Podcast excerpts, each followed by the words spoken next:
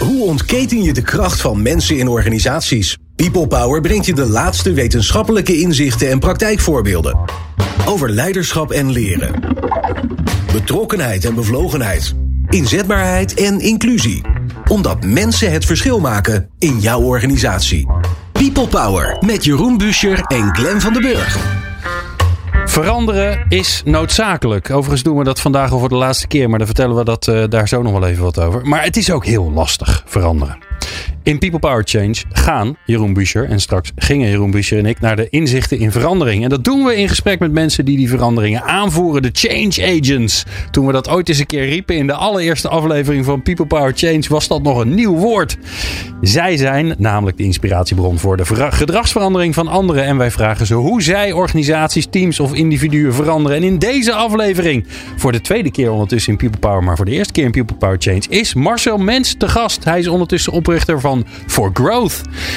En Jeroen Buescher is natuurlijk uw presentator van dienst. Experts en wetenschappers over de kracht van mensen in organisaties. People Power. Ja, en uh, er zijn zo van die dagen. Och. Zoals gisteren was dan de eerste keer dat een Nederlander het wereldkampioenschap Kleiduivenschieten won. Formule oh. 1 won. En dit is dan de laatste keer, de dag erop, dat ik, Jeroen Buescher, samen met Glenn van den Burg dit programma People Power Change presenteer. Want aan alle mooie dingen komen een einde. Ja. We gaan mooie nieuwe dingen doen volgend jaar. Dus ik snap dat u moet wenen. Ik snap dat het pijn doet in het hart. Maar troost u, troost u. Mijn penetrante stem en zeker die van Glenn zult u volgend jaar ook van kunnen genieten. Welkom bij People Power Change voor de aller, aller, aller, allerlaatste keer.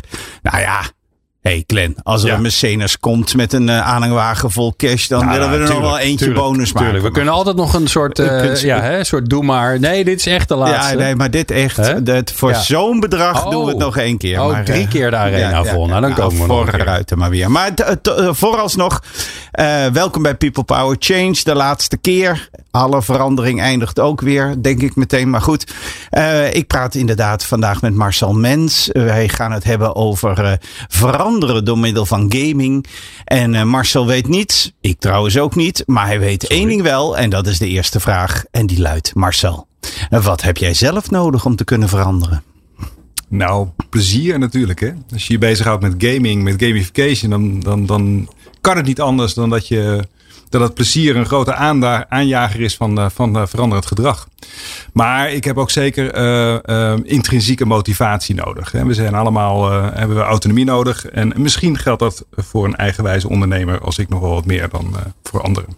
Want hoe kom jij in gaming terecht? Laten we daar eens beginnen. Wie zeide jij? Waar kom jij vandaan? En hoe komt je nou in hemelsnaam hier terecht? Ja, nou ja, inmiddels 50 jaar jong, dus dat is een lang verhaal. Maar als ik terug ga naar een vorig leven, dan ben ik ooit eens opgeleid als gymleraar.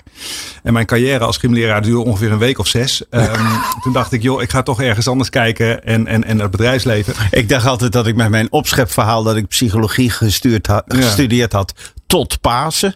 Dat dat heel cool was. Maar dit gaat, dit gaat nog korter door de bocht. Ja, uh, ja zeker. Ja. Maar um, waar ik heel veel plezier in had. Mijn, mijn, eindstage was een stage met moeilijk leren en opvoedbare kindjes. Toen had je nog de LOM-school. En dan heb ik het ergens over begin jaren negentig.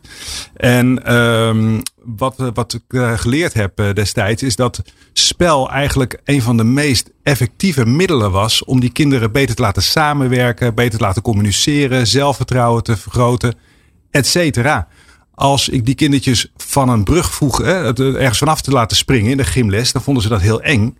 En gingen we apen kooien, dan sprongen ze in één keer van een brug die twee keer zo hoog was af. Ja, dus je moet zorgen dat er iemand achter je aan zit. Dat is eigenlijk de nou, dat, dat, als, dat, als het met plezier gaat, dan helpt dat enorm. Ja, ja, absoluut. Ja, ja. Nee, maar spelvorm is een ontzettende uh, uh, krachtige vorm om te veranderen. En jij had het net over die legendarische dag uh, van gisteren natuurlijk, waar Max Verstappen wereldkampioen werd. Ja, dit land uh, hield tot een jaartje of vijf geleden totaal niet van Formule 1. Uh, daar, daar keken een paar uh, techies naar die helemaal van alles met auto's hadden. En gisteren waren er meer dan 5 miljoen kijkers. En hebben we er ontzettend van genoten. En vinden we het allemaal fantastisch. En voelen we ons ook in één keer verbonden. En dat is de magie van spel. Ja. Ja, en, en weten we ondertussen. Ik ben niet, zelf niet zo'n fan. Maar wat ik wel opvallend vind is dat het wordt pas leuk naar, naar Formule 1 kijken als je snapt wat er gebeurt in de techniek en uh, wat Ja. de regels zijn. Als je En, eh, referentiekader Want anders is er namelijk niet zoveel aan. Dat, Ja. Dan zie je gewoon mensen rondjes rijden. Ja, maar ik zal nooit vergeten dat ik een keer op een, een loze nacht voor de televisie eh, eindigde. En ik weet niet eens meer wat, maar naar, op, naar een of andere Olympische sport zat te kijken. Hè, weet ik veel, nou neem maar iets met een steen gooien waar je dan op moet poetsen en dat soort dingen.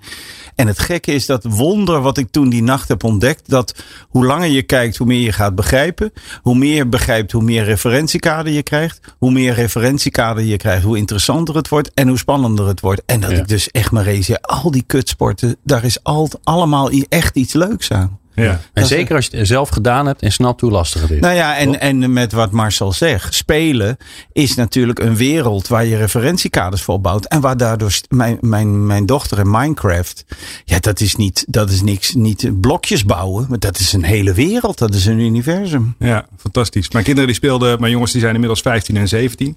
En eh, ik mag af en toe naast ze zitten als ze aan het gamen zijn. Op het moment dat ik zelf de controle pak, dan, dan trekken ze die direct uit mijn handen vanwege een soort plaatsvervangende schaamte. Zo, zo Terecht, slecht ja. ben ik. Ja, ja. Ehm, dus ik ga daar naast ze zitten en dan leggen ze me uit eh, waarom een game eh, ja, aantrekkelijk is. En, dat- en daar probeer ik zoveel mogelijk van te leren. Is ook onderzoek van jou gewoon. Ja, dat is Ja. serieus. Ja, ja. Maar, maar over Minecraft gesproken. Een aantal jaar geleden gingen ze verstoppertje spelen in Minecraft met allemaal vriendjes. Dat vond ik echt zo ontzettend grappig. Vond ik dat, dat hadden ze zelf bedacht. En dat is het leuke van dat soort digitale spelvormen ook. Hey, en we gaan het vooral hebben over de combinatie spelen en leren. Nou, leren schurkt natuurlijk bijzonder tegen veranderen aan. Ehm, de, een van mijn stokpaardjes. Ik heb een, een puberdochter en ik zie haar curriculum. En ik vraag me toch elke dag af dat wat ze leert. Wat dat in hemelsnaam te maken heeft met de wereld waar we in leven. En waar ze in terechtkomt. Het is de, eh, voel jij ook de pijn dat wij dat we het meeste leren door te spelen? En het eerste wat we doen bij kinderen is ze verbieden om te spelen en ze te verplichten om te, te leren aanhalingstekens sluiten. Ja, die, die, die, nou ja, eh, pijn, eh, frustratie en boosheid is dat soms. Ja. En ehm, ik werk zelf al een jaartje of 10, 15 eigenlijk voornamelijk voor het corporate bedrijfsleven. En ja, dat komt eigenlijk gewoon omdat de andere markten die ik eigenlijk nou, met alle respect veel interessanter vind, namelijk onderwijs en zorg, een beetje traag schakelen. We hebben een aantal jaar geleden met een, eh, een, van- de snelste en meest vooruitstrevende eh, uitgevers van Nederland hebben een prachtig lespakket ontwikkeld voor eh, onderbouw, HAVO, lesgeschiedenis. Helemaal gegamificeerd, echt, echt prachtig gedaan. Nou, dat heeft drie jaar geduurd voordat het überhaupt gepresenteerd werd. Ja, in die, in die tijd zijn we alweer zeven stappen verder. Dat, dat kan niet anders. Zou dat te maken kunnen hebben dat juist door, door dat frame wat we aangeleerd hebben gekregen, dat het leven begint op het moment dat je gaat spelen. Volwassenheid begint op het moment dat je gaat spelen. Spelen is alsof en werken is echt. En we komen er natuurlijk in de tijd langzamerhand achter dat daar een soort van waanzin achter zit. Is het gewoon een soort frame dat als het spelen is, dan is het zinloos. Eh, levert het niks op? Kost het alleen maar geld? Is het verloren tijd? Eh, terwijl, terwijl de waarheid is dat, dan, want dat ben ik verschrikkelijk met je eens, juist in spelen zo ongelooflijk veel waarde zit. Ook omdat het zo tegen creativiteit aanscheurt. Ja. Nou, het spel levert ten eerste ontzettend veel geld op natuurlijk. Hè. Kijk maar alleen maar naar die Formule 1 gisteren weer. In allerlei variaties. Voetbal, Eh, ja. Voetbal, eh, allerlei soorten spellen. ook Minecraft. eh, Dat miljarden heeft opgeleverd. Of jij dan neem die leren pakjes en die zweepjes van die Glenn altijd bestelt. dat is ook, het heel- spel levert veel op. Ja. Is dat ook spel? Ja, dat zo. Oh, mag voor oh. jou wel. Oké. Jij doet dat niet professioneel, dus. is Nee, dat is spel. waar. Nee, ik verdien er niks Kijk, bij mij is het geen spel. Nee, maar ga door. wordt ervoor betaald. Nou, Dat klopt. wat, wat, wat het goede nieuws is, is dat in wat voor vorm je dat ook doet, spel is wel per definitie veilig. En met veilig bedoel ik een soort emotionele veiligheid. Met andere woorden, ehm, als je in het echte leven ergens voor uitgedaagd wordt, een carrière stap, ehm, eh, een examen halen, eh, eh, iets daadwerkelijk veranderen en bereiken, dan, dan voelt dat best wel heftig. Dan, is dat, dan, dan, dan brengt dat een bepaalde. Kan je verliezen, maar dan echt. Precies, precies. En bij spel ehm, gebeurt er iets bijzonders. Bij spel is er emotionele veiligheid. Op het moment dat het niet lukt. Als nou ehm, Max Verstappen gisteren geen wereldkampioen was geworden. En het, het was toch zoals het er eigenlijk voor 99% van de race naar uitzag. Was het Lewis Hamilton geworden. Dan hadden de meesten van ons hadden gezegd. Ach, volgend jaar weer een poging. Ja. En nu is dit hele land ontzettend trots. Hè? En want we zijn wereldkampioen. En we hebben een onderlinge binding die versterkt is. Want we hebben allemaal gekeken naar, naar een magisch moment gisteren. Maar als het niet lukt, ach, dan is, is het ook weer niet heel erg. Precies. Behalve als het Nederlands voetbalelftal verliest. Hè? Dan zijn het sukkels van de een op de andere. Nou, ik ik denk dat dat ook wel meevalt voor het overgrote deel van de mensen. Er zijn natuurlijk altijd mensen die wat fanatieker zijn dan anderen. Net zoals er ja, eh, eh, mensen zijn die, die zich eh, fan noemen van een club en dan een stad gaan afbreken. Ja, eh, laten we daar niet te veel aandacht aan besteden. Het wordt een beetje een andere uitzending dan. Maar ehm, eh, wat ik heel leuk vind is dat dan als er dan een- die mooie club uit Rotterdam eh, kampioen wordt, één keer in de 19 jaar, dat er dan 19.000 mensen in een fontein springen van blijdschap. Dus spel doet heel veel. En, en, en de magie van spel, hè, dus dat, wa- waarom voelen we ons dan zo ontzettend blij en verbonden? En gaan we dan gekke dingen doen? Ehm, dat heb ik altijd proberen te duiden en, en proberen vast te pakken en als instrument in te zetten. En waarom is dat dan? Ehm, nou, omdat het dus letterlijk iets magisch is. Eh, er is niks rationeels aan, hè, de- aan, aan, aan spel. Hè. Het, is, het is fascinerend. Er is, eh, je hebt het net over voetbal, Glenn. Eh, als een Europees of, of, nee, of, eh, of eh, als een land Europees of, of wereldkampioen voetbal wordt, dan groeit de economie tussen de 1 en de 3 procent. En daar is niks rationeels aan. Dat, dat heeft iets te maken met ons blijer voelen. Hè? Ons, ons, hè? Die, die, die, die, die, die magie van spel. Ja. En, eh, Een soort ono- onoverwinnelijkheid. Ja, en, en precies onoverwinnelijkheid, eh, eh, eh, trots en blij gevoel, andere energie. Ehm, en, en, en dat proberen te duiden, ja, dat fascineert mij. Volgens mij, Mateloos. volgens mij wordt het tijd voor een let op, pas op jingle. op het gebied Oh, van. eh, wacht even, wacht even. wacht even, Ja, dan moet ik ja. hem even rekken, want dan Ja. kan Glenn heel oh, smooth en Oh, dingen. ja, ja. Want door wat Ja. jij zegt, eh, moest Ja, ik nee. ineens. had ik een idee? Aan? Pas op, kijk uit. Hier is het filosofie-alarm. Diepgang nabij. Wij spelen ook gewoon hier, hè? Ja, eh, als er één van de luisteraars denkt dat dit allemaal serieus bedoeld heeft, eh, Nee. is, dan heeft u niet goed geluisterd. Ehm, nou, ik, ik was een keer in gesprek met Marley Huijer, voormalig eh, Denker des Vaderlands. En die, eh, toen hadden we het over rituelen. En toen zei ze, ja, als je het leven voorstelt in een kamer, dan maakt een ritueel een gat in het dak, waardoor je naar een andere werkelijkheid kan komen. En ineens, door wat jij zegt, realiseer ik me, wat, wat spelen misschien wat doet, is een gat in de wand maken. Waardoor je in een parallelle wereld, die weliswaar lijkt op die we hebben, een, een zeg maar vrij kan zijn en kan spelen. En, en zeg maar zoals in schietspelletjes kan sterven of, of kan verliezen zonder dat het consequenties voor je leven heeft. Ja. En volgens mij is wat jij dan doet, is dat in die parallelle wereld, in dat gat in de zijkant, zeg maar, zeg je van, ja, wat leren we daar nou en kunnen we dat mee terugnemen in de, de werkelijkheidskamer? Ja, wat, wat, kijk, eh, je hebt speels en je hebt een spel.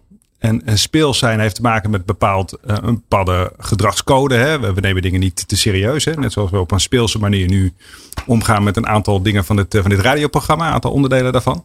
En je hebt een spel en een spel heeft spelregels. Maar die spelregels die zijn een afwijking van de werkelijkheid.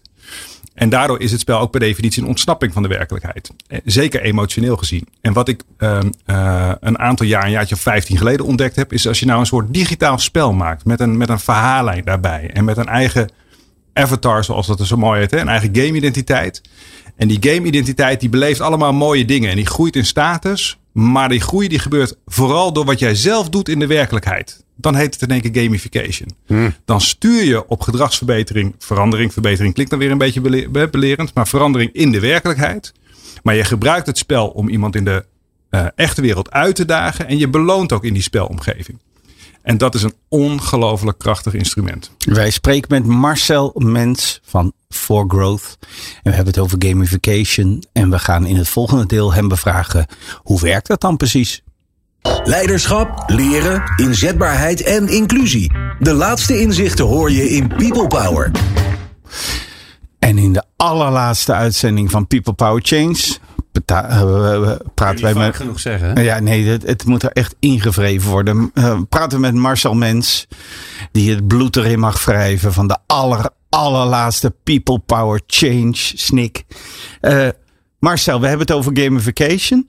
Ehm, eh, en, en je zei op het laatst iets interessants. Je zei, ehm, wat je eigenlijk doet, is je doet acties in de gewone wereld. Je neemt het, die acties mee in je game. Want het is input voor je game. En dan, dan, dan stimuleert je game weer je, de echte wereld.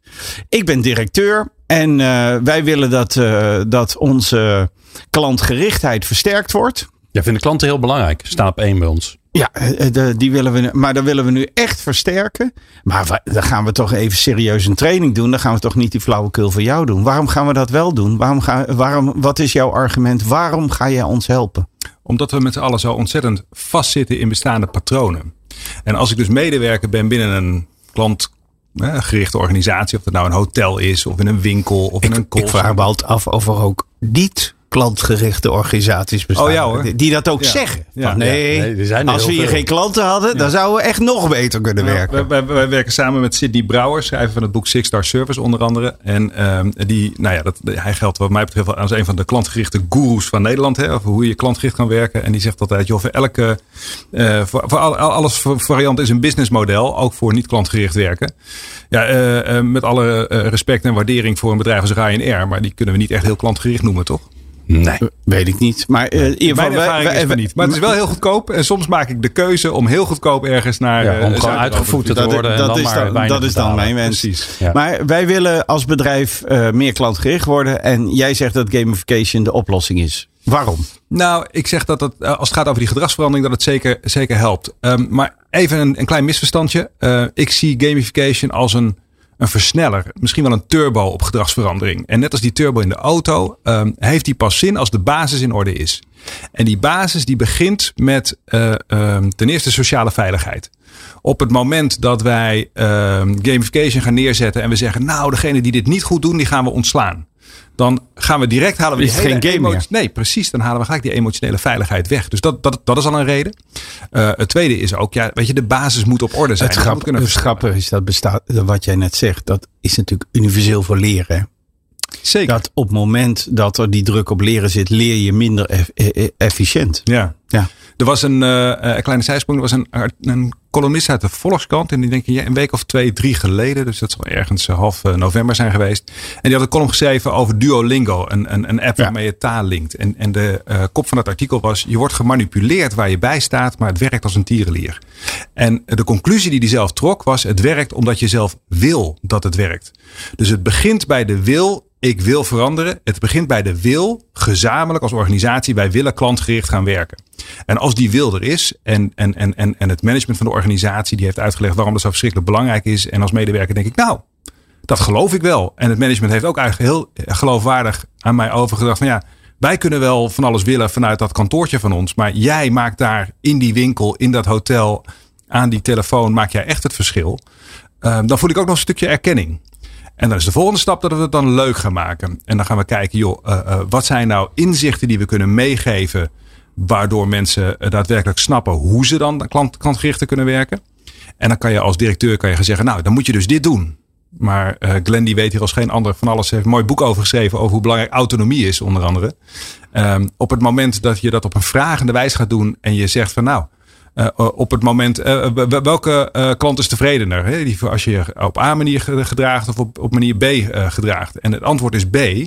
Dan ga ik zelf autonoom denken van goh, dat is misschien toch best wel belangrijk. En het spel dat leent zich daarvoor om desnoods via quizvormen of wij werken dan veel met kennisbattles. Om die houding vanzelf te helpen veranderen. En dat is eigenlijk een beetje dat wat die meneer van de Volkskrant zo mooi omschreef. Je wordt gemanipuleerd waar je bij staat. Ja, dat is zo. Maar je wilt het wel zelf. Je wilt zelf veranderen en dan helpt het enorm. Dus jullie bouwen dan, dat, want ik ga naar dat hoe in dit stuk. Jullie bouwen dan voor, even dit, voor deze fictieve vraag, een game die mensen prikkelt om na te denken hoe ze eigenlijk met klanten omgaan en, en geïnspireerd te worden hoe het kan. Ja. En, en die inspiratie of hoe het dan kan, hoe, hoe zit dat in dat spel dan? Ja. Hoe moet ik me dat voorstellen? Nou ja, eh, deze fictieve case is, is helemaal niet fictief. Want we hebben met, met Sydney Brouwer, waar ik het net over had, hebben we daadwerkelijk de Six Star Service Game ontwikkeld. En, en die heeft al gedraaid bij een aantal grote verzekeraars en bij een bank, eh, et cetera. Om mensen klantgericht te laten werken. Nou ja, dat wist de presentator niet. Zo zie je maar, blind schieten altijd raak. Ja, precies. Ehm, eh, en, en, en in dit geval legt Sydney, en als, als, als toch wel een soort autoriteit op het gebied, die legt in een kort videootje uit van, nou ja, dat kun je op deze manier doen. Op het moment dat je eh, eh, een, een, een vraag die binnenkomt, die afwijkt van de normale normale procedure, dan is dat een kans om extra service te verlenen. Dus er zijn allerlei dingen zijn ingericht in een organisatie, maar op het moment dat er net een afwijkende vraag is, joh, ik wil uh, toch uh, mijn pakketje niet op A bezorgd hebben, maar op B, of ik wil toch uh, ja. in plaats van gewone melk havermelk in mijn cappuccino. Ja. Dan is dat een kans om te laten zien hoe klantgericht je kan zijn. En als je dat als een spel gaat beschouwen, dus je gaat de her kans herkennen, niet die afwijking van de realiteit, niet als een soort oh jee, ik moet iets anders doen. Maar als een, een kans probleem. we kunnen scoren. Ja. Ik heb ook wel eens ergens gelezen, klanten die een probleem hadden, wat heel goed is opgelost, zijn tevredener dan klanten die dat probleem niet hadden. Dat zijn je grootste ambassadeurs. Dat ja. klopt helemaal. Ja. Ja, dus, uh, dus wat je dan eigenlijk probeert te doen is, uh, uh, en bij, in, in de Six Service Game hebben we dan letterlijk een module zitten en dat heet één fan per dag. En we proberen mensen. Uh, dat is ook een boek, toch? Jos Burgers. Ja. Nou, het komt inderdaad van Jos Burgers vandaan. Dat klopt, ja. ja, dat, ja. En, dat, en dat heeft uh, Sydney ook. Die, uh, die verwijst ook eventjes. Dit is, dit is er eentje van Jos Burgers. Dus Ge Geïnspireerd op Jos Burgers, ja, zegt hij erbij. Ja, ja, nee, maar ga door. ga door, ga door. Maar, maar, wij, hebben daar dus in, wij hebben daar dus letterlijk een module van gemaakt. Waarbij um, je extra scoort in die game. Als je uitlegt of het gelukt is. Als het je niet gelukt is, maar je hebt wel een poging gewaagd. Krijg je nog steeds punten. Dat is altijd beloning als je er maar mee, mee, bezig bent. Als het je wel gelukt is, dan willen we vooral weten hoe je dat gelukt is om die fan per dag te maken. En dan ga je dat delen met je collega's. En voor het delen krijg je weer punten. En als die collega's daar dan weer op reageren, die waarderen dat dan. We noemen die module deel en waardeer, jawel. Uh, dan krijg je ook weer punten. En die punten die krijg je niet alleen, maar die punten die krijg je voor je teammaatje samen. Dus je gaat gezamenlijk ga je helpen om echt dat, dat gedrag ga je concreet benoemen. En we hebben dus letterlijk een game. In dit geval is dat een game die heet Globetrotters. Een soort reis om de wereld. Dat is de virtuele wereld. Een ontdekkingsreis. We gaan samen ontdekken hoe we klantgericht kunnen werken. En die game gaan we allerlei continenten langs. Dat doe je dus in die virtuele wereld. Maar je krijgt paspoortstempels en, en, en, en mooie souvenirs. Als het je lukt om in de praktijk echt te doen Namelijk die vent per dag uh, maken wat we willen. En, en waarom vindt mijn medewerker dit leuk? Ik snap advocaat van de duivel vraag. Ja, nou uh, nogmaals, dat begint bij dat begin. Hè. Die medewerker die accepteert, die wil daadwerkelijk klantgerichte werken. Dus dat is de basis voor alles. Die intrinsieke motivatie moet er zijn. Maar dan is gedrag uh, geconditioneerd. Hè? Weet jij ook alles van, Glenn. Uh, prachtig boek over geschreven. Uh, oh, dankjewel. En, uh, en, en, ik ben nu al fan van je trouwens. ik, ik heb het gevoel dat het, dat het uh, meneer Van den Burg promotietijd hier is. We zijn nou, hier bij Power Change hoor. Ga door, Marcel. Je hebt maar, ook een mooi boek geschreven trouwens, Jeroen. Ja, veel meer, jongen. Heel, heel, goed, heel goed. Ja, ja. Um, um, jongens, jullie brengen me helemaal de, ja. uit. Ja, het is een game. Hè? Jij begon met je promotie. Ja, ja, ja, eerst Jos Burgers pluggen. Ja, ja nee, uh, herconditioneren van Het probleem van uh, neuropsychologen die zeggen, joh, als je gedrag wil veranderen, dan kom je eigenlijk maar op twee manieren in beweging. En dat is pijn of genot. En pijn of genot, dat is dan daadwerkelijk wat ons voor ons brein ervaart is. Hè? Ervaart als pijn of genot. En pijn, dat werkt op korte termijn wel. Hè? Die, die boete die ik krijg als ik te hard rij, dat werkt op korte termijn, werkt dat wel. Op het moment dat ik weet dat, die, dat er niet gecontroleerd wordt, dan is er een behoorlijke kans dat ik alsnog te hard ga rijden. Dus op het moment dat de controle wegvalt, dan vallen mensen weer terug in het gedrag wat je niet wil. Dus eigenlijk is pijn een hele nou ja, korte, termijn. korte termijn oplossing en niet zo effectief. Op het moment dat we dat gedrag gaan veranderen en we sturen op genot, en het fijne is dat, nou ja, uh, ook weer terug naar het mooie voorbeeld van, van, van Max Verstappen. Het spel geeft heel veel genotsprikkels. We krijgen allemaal dopamine wat er vrijkomt in ons hoofd. En daar willen we meer van. En de kunst is dat je dus continu die kleine stapjes van in de praktijk iets anders doet. Dat je die continu beloont met kleine dopamine prikkels. uiteindelijk is het het verslavingsprincipe hè, waar we het hier Letterlijk. Dat is absoluut een beetje waar. En dat is ook iets wat je in de gaten moet houden. Um, uh, kennisbattles vinden wij een heel effectief instrument om, om, om daadwerkelijk mensen te helpen om gewoon, uh, nou ja, gewoon harde kennis over te dragen. En dat toppen wij af tot een maximum van ongeveer 20 kennisbattles per persoon per dag. En, en zo'n kennisbattle, zo'n microlearning, duurt ongeveer een minuut. Dus je bent niet meer dan 20 minuten per dag ermee bezig. Maar als je dat doet gedurende zes weken, dan is het, het, het, het, beklijven van die kennis is veel effectiever dan wanneer je twee dagen achter elkaar de hele dag zit te leren. Het grappige is natuurlijk wat jij zegt. Uh, jij zegt, ja, wij eisen intrinsieke motivatie. Dus wij eisen dat mensen dat willen. En dan zou de logische vraag zijn, maar als ze dat nou eens niet willen, maar dan kan ik zelf antwoord op geven. Dan is het een andere methode ook zinloos. Leren is altijd alleen maar effectief als mensen zelf het nut ervan inzien. dat, dat, dat, klopt helemaal natuurlijk, ja. ja. Ja, maar die sociale veiligheid, die vind ik nog net wat belangrijker bij gamification. Omdat die een, uh, nou ja, echt een absoluut onder. Het is geen spel als het niet sociaal veilig is. Dat is een belangrijke. Johan Huizinga, uh, schrijver van het boek Homo Ludens.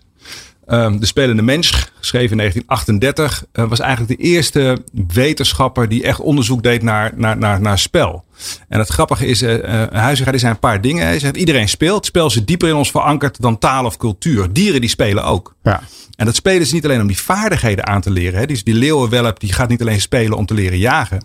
Het leuk is om te doen. Omdat het leuk is om te doen, maar vooral ook omdat het een veilige en hele functionele manier is om je status binnen de groep. En status dan een gevaarlijk woord, want dan Ja. denken we de beste willen zijn. Nee, erkenning, erbij horen, Ja. gezien worden. Om die status in de groep te verbeteren of in ieder geval te bevestigen.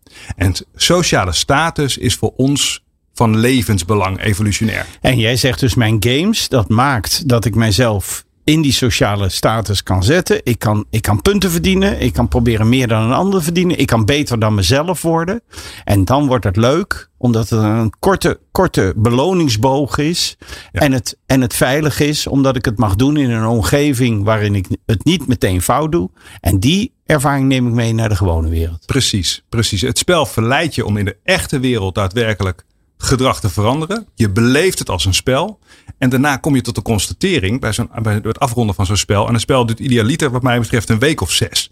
Waarom? Dat is eh, eh, eh, kort genoeg om bijzonder te zijn, maar lang genoeg voor een blijvend effect in Ja. die gedragsverandering die je eigenlijk wil krijgen. Ja. En na die zes weken ga je terugkijken. Dat doe je met elkaar, dat doe je met de, de, de leiding van je bedrijf. En dan kom je tot de constatering dat onze klanttevredenheid meetbaar fors omhoog is gegaan. En dan constateer je, eigenlijk is het helemaal niet zo moeilijk. Eigenlijk kunnen we dat gewoon. Ja. En dan is de kunst dat je met elkaar afspraken gaat maken. Hoe gaan we dit nou vasthouden? Maar het spel is dan voorbij. Het is zo spelend. Het wordt tijd voor iets serieus. Dat, bijvoorbeeld iets als Harry Starre. Maar dan eerst dit. Betere prestaties en gelukkige mensen. People Power.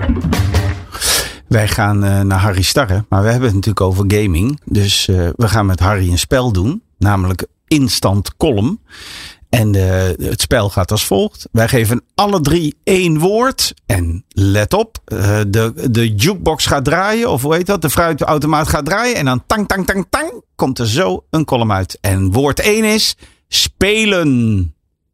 Spelen, Wil ik Harry leiderschap meegeven als woord? Ja, ik zat, te, ja, ik zat te denken aan bloemkool, maar dat is misschien een beetje flauw, Harry. Dan noem maar nog eens één. Ja, ik wil een paar hebben. Nog, eh, het mogen er wel vijf zijn. Feedback. Wie? Feedback. Feedback. Oh, Ja. Jongen. Ja, leuk hè? Ja. Wil je er nog meer hebben? Leren. Ja, doe, ja, doe nog eens iets. Leren. Plezier. Leren. Ja, en dan? Kleine kinderen martelen in scholen. Kleine kinderen. ja, die ligt wel erg voor de hand, hoor, moet ik zeggen. Ja.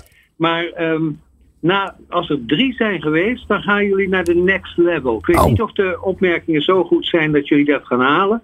Maar je kan dus in totaal even kijken, want dan krijg je dubbele punten. Dan krijg je 30 plus 2 is 40. Je kunt 70 punten halen. Dat is 70 spannend, punten. hè? En wat is de high score, Harry? Ik ga beginnen. De, de Oh. column heet Wat speelt er? Eh, het deed mij overigens denken, het is een associatie. Eh, ik zat op de middelbare school, Rooms-Katholiek, bij Paters. Niks gebeurd, zeg ik daar wel altijd bij tegenwoordig. En er was een, een eh, leraar, Storms heette die. Een, niet een pater was dat ook, was Engels. En die, daar moesten we erg om lachen, omdat hij op de televisie was gesignaleerd in een straatinterview tijdens de verkiezingsuit, de verkiezingsavond werden mensen in een winkelstraat geïnterviewd. Daar zat hij bij. En he- hem werd gevraagd: eh, wat denkt u dat de uitslag wordt? En zijn antwoord was: wie spelen er dan? Dus het was hem even ontgaan waar het over ging. Want wij spelen. Wij spelen voortdurend. De wereld is een schouwtoneel, zei Vondel al. En ieder speelt zijn rol en krijgt zijn deel. Hij sprak daarin Shakespeare na. Hè? eh, The world's a stage. Ik ben opgeleid in de sociologie en de politicologie. En daar je zoiets als eh, de rollen in de samenleving die we spelen. Altijd meerdere. Hè? Vrouwen vaak veel meer nog dan mannen. Moeder, minnares, eh, eh, werknemer, directeur, wat al niet. Wij moeten allerlei rollen spelen. De dramaturgie van het leven. Games People Play was ook zo'n beroemd boek. Waar, waarin je eigenlijk leerde om te snappen waarom mensen deden wat ze deden. We spelen allemaal een spel. Spelen, daar ging het om. Wie de beste is, die is daar natuurlijk de beste in en toont daar leiderschap in dat spel. Dat is eh, voor de hand liggend. Ik weet nog dat ik naar de Inner Game of Tennis ben geweest. De Inner Game of Tennis. Waarin je leerde om dat oordelende mannetje dat tijdens het tennissen de hele tijd zegt shit of kloten als je het verkeerd doet. En dus eigenlijk je spel afbreekt. Om die om te bouwen naar een coach, naar een hulp bij het tennissen. Hele mooie cursus was dat. We weten uit onderzoek dat mensen die uh, het spel spelen en een beetje afstandelijk doen, dus die weten dat het maar een spel is, dat die daarin effectiever zijn dan mensen die daar helemaal in opgaan. Want wat missen de mensen die helemaal in een spel opgaan? Die missen feedback. Die kunnen eigenlijk niet van zichzelf leren omdat ze zich helemaal in het spel, zeggen we dan ook, verliezen. Dus je moet een beetje naar jezelf blijven kijken. Dat kunnen bijvoorbeeld heel goed vuilnisophalers, jonge jongens vaak, die dat zien als een spel. Dus die eigenlijk zeggen, ik hoef niet meer naar de fitnesstraining. Mijn werk is eigenlijk een fitnesscentrum. En die maken van hun werk een spel. En doen dat dan vaak beter. En zijn eigenlijk niet bezig met zwaar werk. Dat is een interpretatie. Ik heb het overigens ook uh, gehoord van kamermeisjes. Dat kunnen ook jongens zijn, zeg ik voor de zekerheid die uitgelegd werd. De ene groep werd uitgelegd, het gaat eigenlijk om fitness, om lichamelijke arbeid. Dat als je dat op tempo doet, val je ervan af. En de andere groep werd gezegd, u doet zwaar werk en u heeft onze sympathie. Je begrijpt al dat die ene helft met veel meer plezier het werk deed, maar er bovendien, en dat is opvallend, er ook nog van afviel. Spel gebruiken we om van te leren. Daarom zijn kinderen altijd aan het spelen dat spel, dat gaan ze steeds serieuzer spelen. En als het goed is, gaan ze dan geleidelijk aan ook vals spelen. Dat is een heel goed teken in de ontwikkeling. Zoals het ook heel goed is als een kind gaat jokken. Want dan kan het met de werkelijkheid spelen. En hetzelfde is het geval bij, uh, bij uh, spelen. Dat moet je gebruiken om te leren. Er zijn eigenlijk twee soorten spel die in het Engels heel goed worden aangeduid. Het ene heet play en het andere game. Game heeft regels. Play is speelsheid. Ik zit in een levensfase waarin de game een beetje over is. Ik heb het spel wel zo'n beetje gezien. But the playing goes on. Dat mag natuurlijk nooit vals spel worden, zoals natuurlijk wel het geval is bij het martelen van kleine kinderen. Dankjewel. En de winnaar van deze ronde is Harry Starren. Dankjewel Harry, dat was weer prachtig. People Power. Over de kracht van mensen in organisaties. Je luistert naar People Power Change. De aller, aller, allerlaatste uitzending van People Power Change. Dus niet van People Power hoor. Nee. Nee, wees, wees gerust. Dat is niet weg te rammen. Maar Jeroen Buscher eh, als aanvulling op eh, de grote Glen van den Burg. Gaat stoppen met deze reeks. En gaat voor volgend jaar iets anders doen. En Wat ga wat? eigenlijk doen Jeroen? Dat horen we nog wel. Oh. Wij praten met Marcel Mens van For Growth. Hè, dit is wel echt jaren tachtig trouwens. Hè. Eventjes ook een beetje kritiek. Vier Growth. Ja, mooi, hè? Me, nee man. Too Unlimited. Two brothers maar, go- maar goed. eh For Growth. ehm, jullie, eh, jullie maken games voor organisaties. Maar ehm, eventjes in deze hybride wereld. En zeker in deze... komt de zon überhaupt nog wel op eh, tijdperk? Ehm, we zijn ook een beetje online zat. Zitten we dan weer in zo'n training alleen maar achter dat schermpje? Nou, liever niet. Ehm, zeker bij verandertrajecten geloof ik ontzettend dat je het beste van beide werelden moet combineren. Dus het is heel fijn als je, eh, vooral als het gaat over het waarom van die verandering. En mensen echt helpen om, om, om dat waarom om te zetten in intrinsieke motivatie. Wij willen veranderen. Om dat gewoon echt eh liefst in een fysieke sessie te doen. Dus met elkaar. Ehm, dat helpt enorm. Het punt is namelijk dat, dat als, je, als, je, als je naar een training gaat. Of je gaat naar een mooie ehm, seminar of, of, of event. Waar een van jullie bijvoorbeeld spreekt. Dan kan ik helemaal eh, geïnspireerd raken. En dan, en dan zit ik vol goede moed. En dan zeg ik, joh, morgen ga ik echt alles anders doen. Dan kom ik morgen kom ik weer op het werk. En dan val ik weer terug in dat geconditioneerde gedrag. Hè. Mijn collega's die zijn gewoon met andere dagelijkse dingen bezig. En dan is dat heel lastig om die verandering door te voeren. En dat is dan waar je gamification in kan zetten. Om dan te zorgen dat die transfer, zoals dat zo mooi heet, van kennis naar gedrag, om die eh, plaats laten vinden. Oké, dus in plaats van dat je een dag later een mailtje krijgt van eh, wist je nog wel, gisteren was je ergens. Of dat je, wat ook wel eens gebeurt, hè, dat, je, dat je na een tijdje een aanzichtkaart krijgt die je zelf hebt beschreven wat je ook weer van Ja. plan was. Zodat je na drie maanden denkt, shit, ik heb inderdaad niks gedaan. Daar voel je altijd slecht door. Ja. Krijg je nu de volgende dag, ga je die game in gewoon. Nou, het liefste eigenlijk aan het einde van die sessie. Dat, is- dat is het meest effectief. Dus, dus we hebben een mooie sessie. We hadden het net over klantgericht werken. Eh, we hebben daar een, een, een, een, een guru, Sidney Brouwer, die heeft het over hoe belangrijk het is en hoe je dat goed kan doen. Die is geïnspireerd door Jos Burgers. Die zegt je moet een fan per dag maken.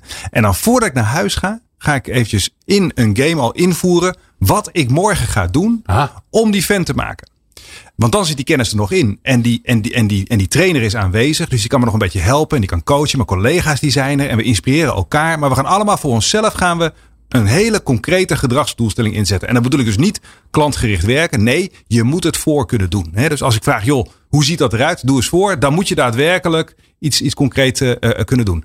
En dan krijg je de volgende dag krijg je niet die ansichtkaart. Maar dan krijg je een level 1 van de game. En daarin staat mijn eigen doelstelling. En dan ga ik daarna, aan het einde van de dag, ga ik reflecteren. Heb ik gedaan wat ik wilde doen? En voor het feit dat ik in ieder geval al reflecteer, krijg ik al punten. Aha. Als het me gelukt is, krijg ik nog meer punten.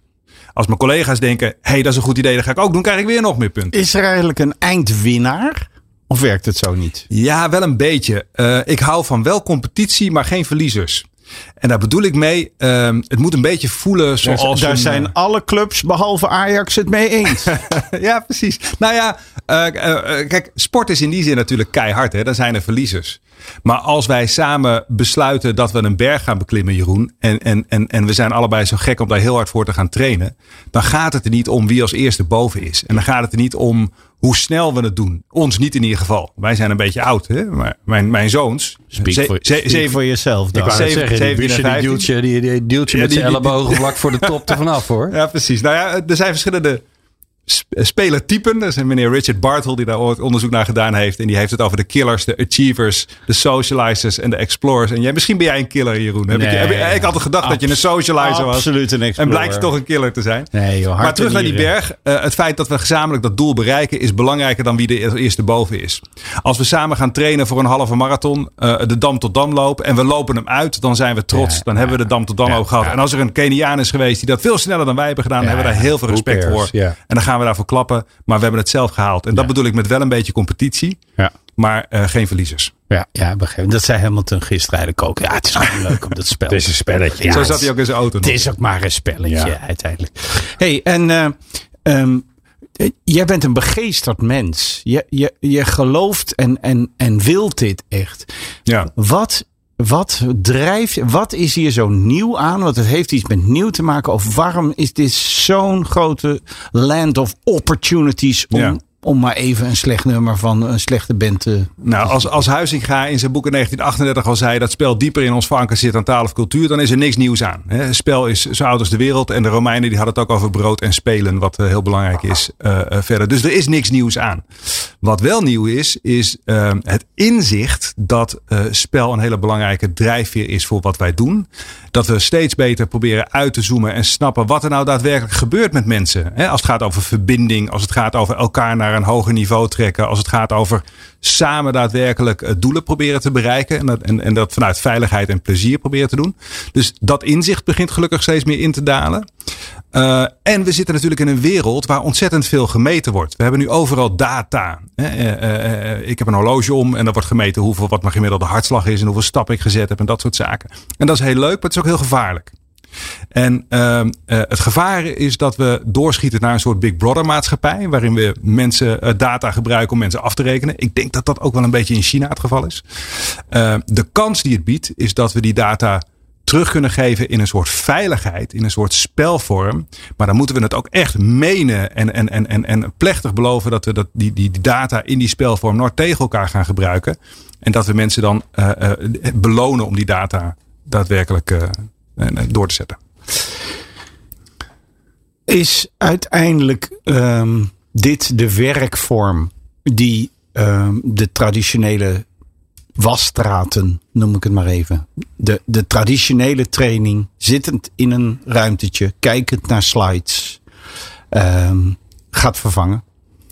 Nou, ik denk dat het een mix is. Uh, een, een, een goede e-learning module waar ik heel duidelijke instructie krijg hoe ik daadwerkelijk nou, dit mooie radiopaneel wat uh, Glenn voor zich heeft, moet gaan bedienen. Weet dan kan, ik in een game stoppen. Maar uiteindelijk wil ik gewoon hele praktische instructie hebben. Dus waarom zou je dat gamificeren?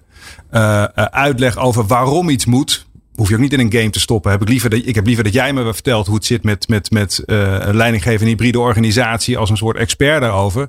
Dan wanneer ik dat in een game krijg. Maar ga ik het daadwerkelijk oefenen in de praktijk? En voel ik ook de, de, de ruimte om te durven experimenteren? Sterker nog, word ik beloond om te experimenteren? Dan is gamification absoluut een winnaar. Ja.